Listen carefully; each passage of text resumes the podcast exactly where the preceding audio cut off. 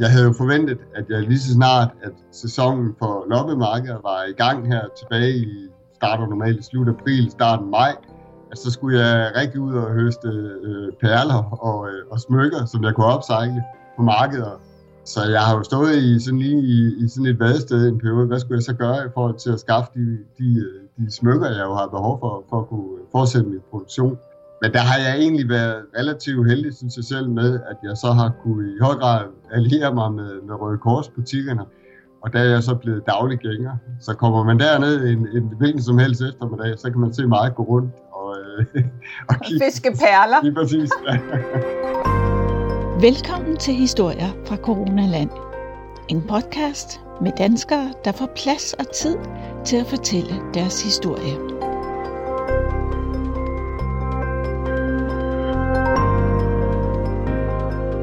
Mit navn er Anders Juhl Rasmussen. Jeg er 46, lige om et øjeblik 47 år gammel, og bor sammen med min, øh, min familie, som er min øh, bedre halvdel, og vores søn på 18 år, i en øh, uh, villa-lejlighed i Rungsted Kyst. Jeg er selvstændig iværksætter, founder, kært bare mange navne, men i hvert fald så arbejder jeg på mit, på mit eget projekt, som er uh, Sibet Attitude, og det er bæredygtige smykker efter en cirkulær forretningsmodel, som jo er, er noget, som dine lytter formentlig også er blevet bekendt med. Cirkularitet er jo noget, som, øh, som i hvert fald er kommet meget op i tiden. Men Anders, for dem, som måske ikke ved, hvad cirkulær økonomi er, kan du så ikke lige forklare, hvordan det hænger sammen med dit firma?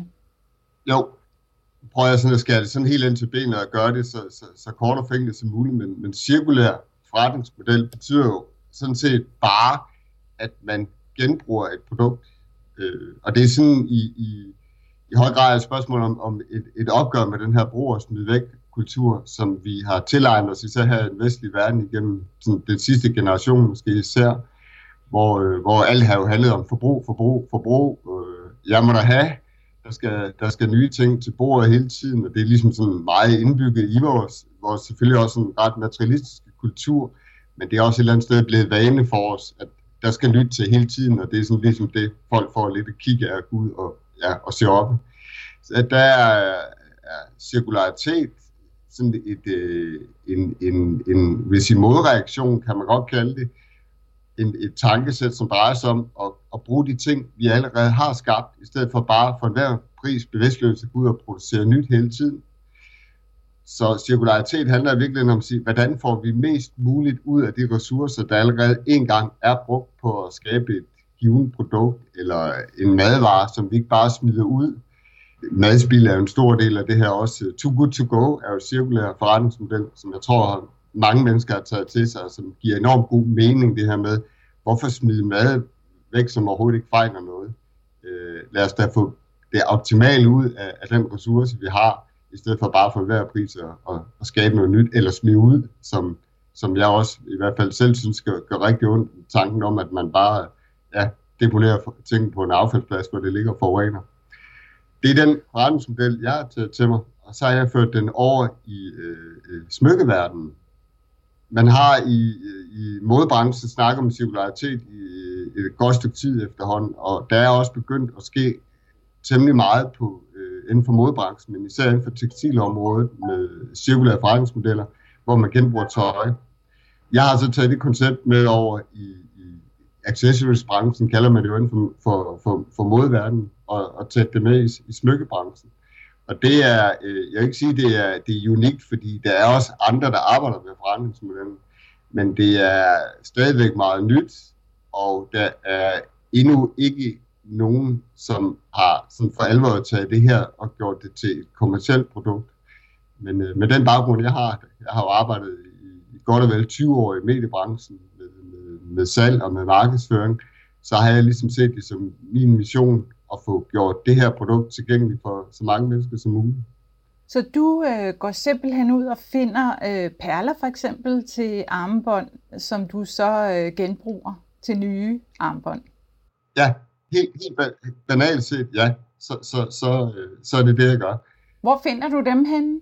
Det finder jeg på, øh, på markedspladser. Det kan jeg så komme tilbage til, fordi det har selvfølgelig været noget af en udfordring her i forbindelse med, med coronaepidemien. Og så er jeg blevet en meget hyppig gænger i blandt Røde Kors brugtbutikker, som er et af de steder, hvor jeg, hvor jeg finder de her smykker, som jeg upcycler. Upcycling er, et, øh, er sådan et, et øh, andet lidt nyt moderne smart ord for, for recycling, men upcycling handler om, at man tager et produkt og genanvender det, men ikke nødvendigvis i nøjagtig samme form. Altså, vi ved alle sammen, vi, vi, alle har jo prøvet på et eller andet tidspunkt at gå ned i flaskeautomat med en tom flaske, og så får man en bong, og så har man både lidt ekstra penge at handle for, og især så har man god samvittighed, fordi nu ligger de her flasker ikke ude i naturen de næste tusind år. Til gengæld, øh, hvis man går over på hylderne og køber en øh, ny solvand eller øl med hjem, så er der stor chance for, at det produkt der bliver genanvendt. Upcycling er i princippet det samme. Forskellen er bare, at hvis du tager produktet, som før var en øh, flaske, så kan det være, at det nu bliver et øh, vinduesparti eller andet. Med smykkerne, så, øh, så tager jeg smykker, som, øh, som måske i dag er hvad vil sige, umoderne og har ligget hjemme i folks skuffer i, i en del år, fordi man får ikke rigtig brugt det, man synes måske ikke sådan helt, det passer ind i tiden, men man kan godt se, at materialet er en god kvalitet, så man, det har også en affektionsværdi, der gør, at man gemmer det væk, i stedet for at smide det ud. Der gør jeg så det, at jeg sådan, kan sige, overført betydning går ud og, og, og tager tingene i folks skuffer, tager det med hjem, og så laver jeg det om til, øh, til moderne smykker, som folk gerne vil gå med i dag. Så man kunne sige smykker med god samvittighed? Det kunne man sagtens, ja. Øh, der er faktisk et udtryk inden for bæredygtig mode, der hedder conscious fashion. Og det handler jo virkelig rigtig meget om det her med, at, at først lige vende tilbage til, at jeg sagde med vores forbrugsmønster tidligere, at folk er begyndt at kigge med mere kritiske briller på, på, på både hinandens, men i høj grad også eget forbrug og sige, at altså, har vi behov for det her? Øh, og når vi har købt produktet ind længere hen i processen, hvis vi skal skille os af med det igen, jamen er det så en god idé bare at køre det ud på lossepladsen for eksempel, smide det ud, og så vide, at det ligger derude til ingen verdens gavn, eller skulle vi i stedet for at prøve at kigge på, på hele produktets livscyklus på en helt anden måde? Det er virkelig en rigtig meget livscyklus, det handler om, det her med det bæredygtige miljø. Historier fra Coronaland Interviews med mennesker, der får plads og tid til at fortælle deres historie. Og så skal vi jo snakke corona, for det er jo historier fra Coronaland. Og i dag, hvor vi optager den her podcast, er det den 18. august. Anders, hvad har været din største udfordring i coronatiden? Det har jo, min største udfordring har jo sådan set været at være, for det er jeg jo, jeg er jo en, en, en startup business. Jeg har været i gang øh, siden øh, efteråret sidste år, og har jo en plan, jeg følger i forhold til at få mit øh, produkt kommercialiseret, og, øh, og arbejder øh, ret meget på at få investorer ind i forretningen, og selvfølgelig på at få, få mit produkt brandet og bruger en masse tid på sociale medier. Det jeg ikke lige havde set komme, det var jo, at der skulle komme den her verdensomspændende epidemi tilbage i, øh, i marts måned, der lige lagde hele verden død overnight. Og det har der været en udfordring på flere plan. Det har været en udfordring simpelthen fordi som alle andre oplevede jeg, at, at, at verden simpelthen lige sådan tog en, en pause, hvor alt gik i stå, og ingen vidste, hvad retning, retning vi på vej. Så har det helt lavpraktisk også, også haft en ret markant effekt for mig, fordi en, en del af den proces, vi er igennem som familie i øjeblikket, er, at vi skal have solgt vores hus. Øh, og det skal vi af flere årsager. Øh, og en af de, øh, de, i hvert fald i det her moment, meget vigtige ting er, at, at husholdet skal være med til at finansiere iværksættertilværelsen fremadrettet. Og, øh, og derfor kan vi sige, at coronaepidemi var ikke ligefrem, hvad havde, vi havde behov for. Fordi vi, vi har et hus, som vi nu har haft det salg igennem et, et godt stykke tid, og øh, var sådan set i en, en positiv proces, følte vi selv her tilbage i, i, i foråret, og, og havde nogle interesserede folk ud at kigge på, på, på vores villa lejlighed. Så kommer epidemien og sætter alt i stå. Så der er jo gået de her, hvad er der gået en 4-5 måneder indtil videre, længere end hvad vi i hvert fald havde forventet fra starten, det ville tage at sælge lejligheden. Ja, fordi har vi ikke øh, læst om, at der netop øh, har været enormt meget gang i hussalget i Danmark? Jo, og det er, det er jo faktisk der, hvor det er lidt mærkeligt nogle gange, altså som tingene de, de, de udvikler sig, fordi vi har jo selvfølgelig vi har jo kigget sådan lidt og skilet lidt nervøst til, til, til både vores egen salgsproces og så selvfølgelig til det her boligmarked i hele taget. Hvad sker der nu?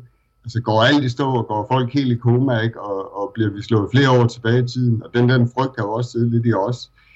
Øh, og det har den faktisk gjort indtil for nylig, men det vi oplever i øjeblikket, det er, at nu her, de, de, de senere uger, har vi i hvert fald har oplevet, at, der, der er kommet en, en, en stigende interesse. Vi har haft en del fremvisning af vores lejlighed, og vi kan jo så høre fra, fra markedet også, at priserne stadigvæk er, er stigende, i, selvfølgelig især i Københavnsområdet, men, øh, men vi mærker også, at der er en stigende interesse her hos os. Anders, du får nu 20 sekunder til at sælge dit hus. Ja. Go. Jamen, øh, så vil jeg da bare sige, at, at øh, man skulle faktisk være her og opleve det med egne ord, men jeg tror simpelthen ikke, at man kan finde et dejligt åndehul end heroppe, øh, hvor vi sidder i skønne Rungsted Kyst i, i grønne omgivelser. Lige nu sidder jeg heroppe på, på første salen i vores lejlighed og kigger ud over et grønt, rodet landskab. Og når vi har for samtale, så skal jeg en tur med vores hund ned til havnen og give den en dukker. Det der tager 10 minutter på gåben. Jeg tror næsten ikke, det kan blive en større anbefaling. Og hvor mange øh, kvadratmeter snakker vi om? Vi har 113 kvadratmeter. Og hvor mange værelser? Og der er tre værelser. Hvad koster den? Den koster 3,3 millioner. Så er jo alt er jo relativt, men i forhold til det område, vi, vi bor i, og især i forhold til, hvad, hvad kvadratmeterpriserne er inde i København, som er 20 minutters pendling herfra med toget, så vil jeg jo mene, at det er måske ikke et røverkøb, men det er i hvert fald et godt køb. Anders, hvis du ikke har fået solgt lejligheden, når jeg udgiver den her podcast, så skal jeg nok indsætte et link til, ja. til boligannoncen, Nej. og så må vi se, om historier fra Coronaland kan gøre noget der. Tak for det, Annette. Vi satser på, at, det er solgt til den tid.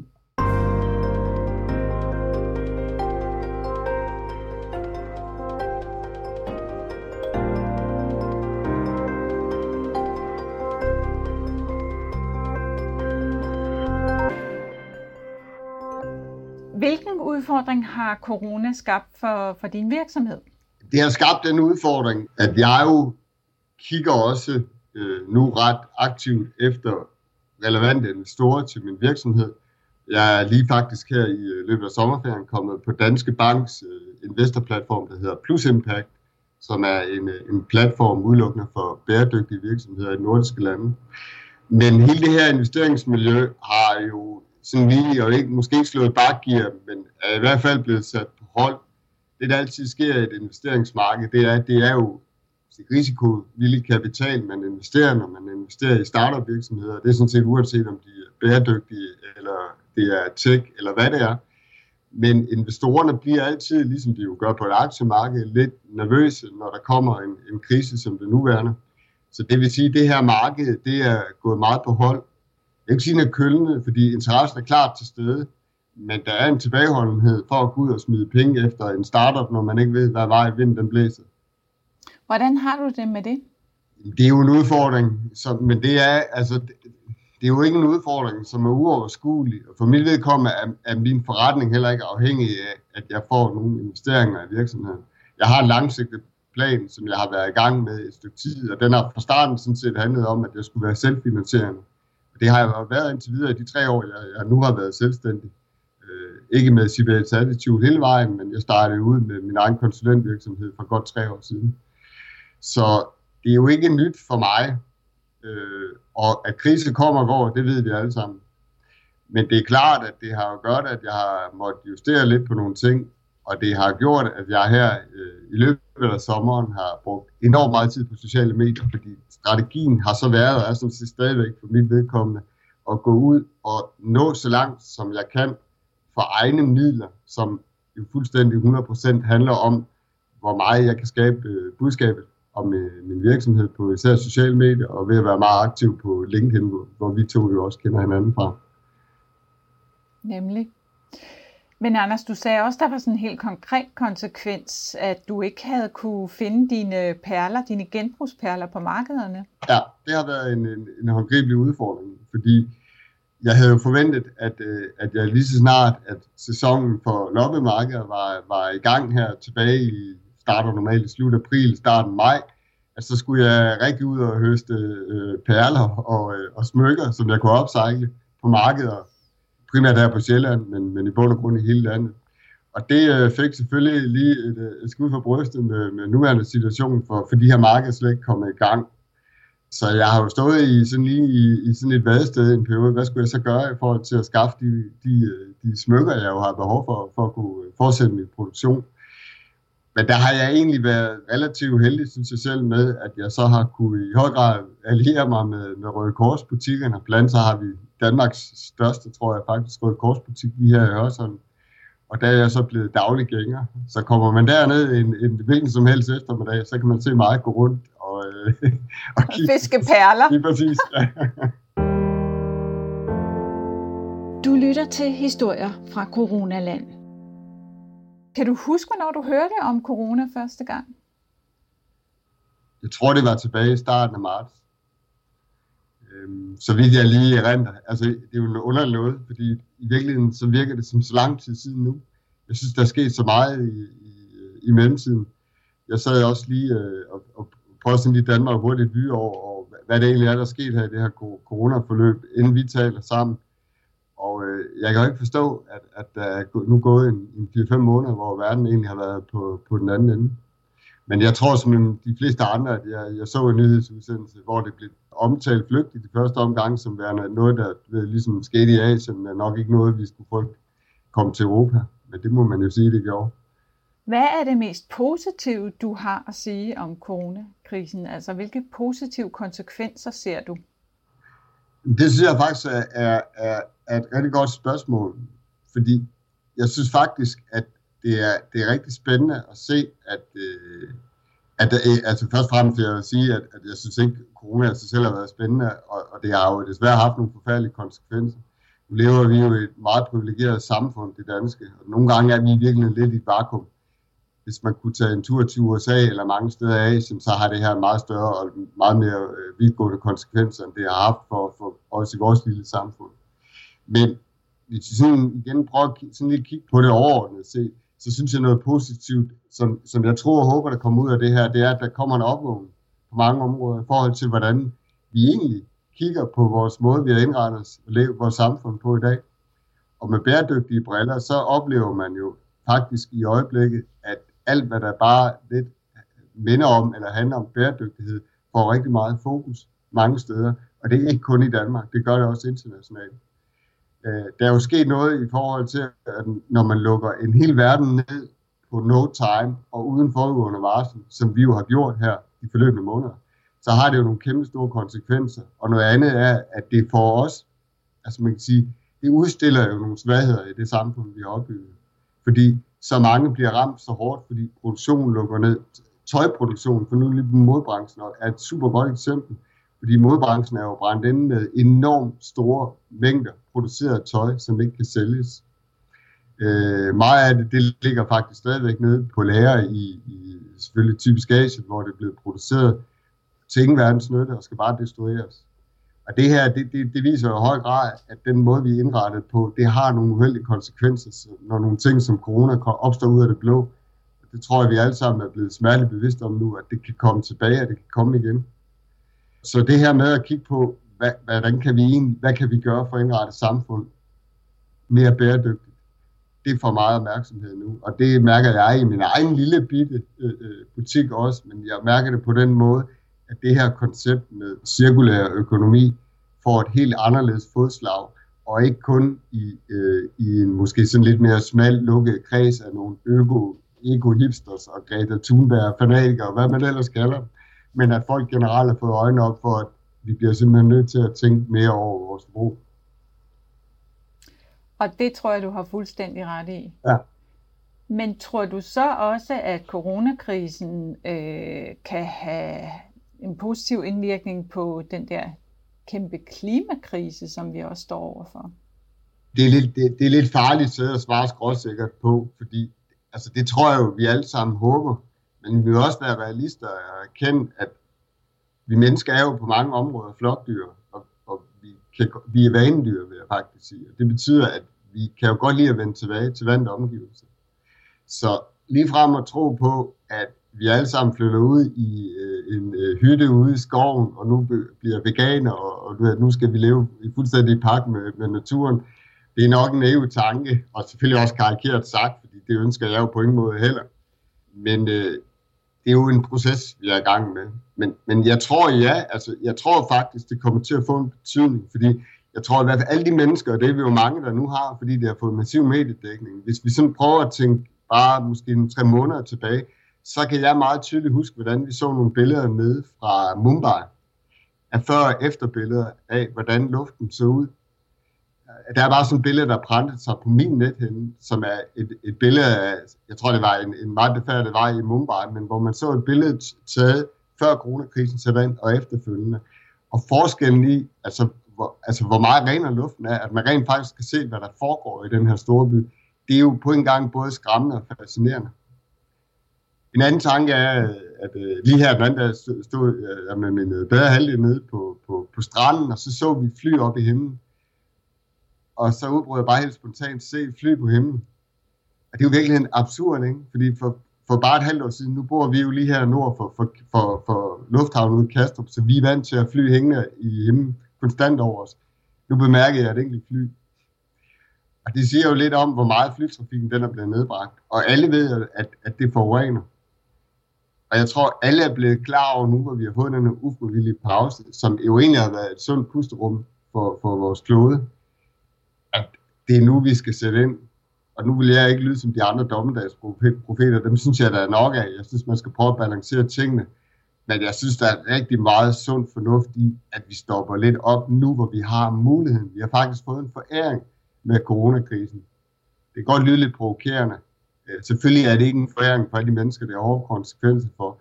Men når nu tingene er, som de er, så synes jeg, at vi alle sammen er forpligtet til at få mest muligt ud af det her. Se, hvordan er det, vi skal indrette os fremadrettet.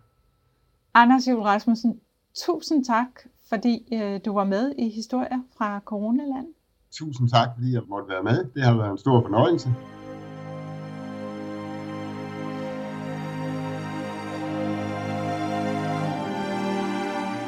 Tak fordi du lyttede til Historier fra Coronaland.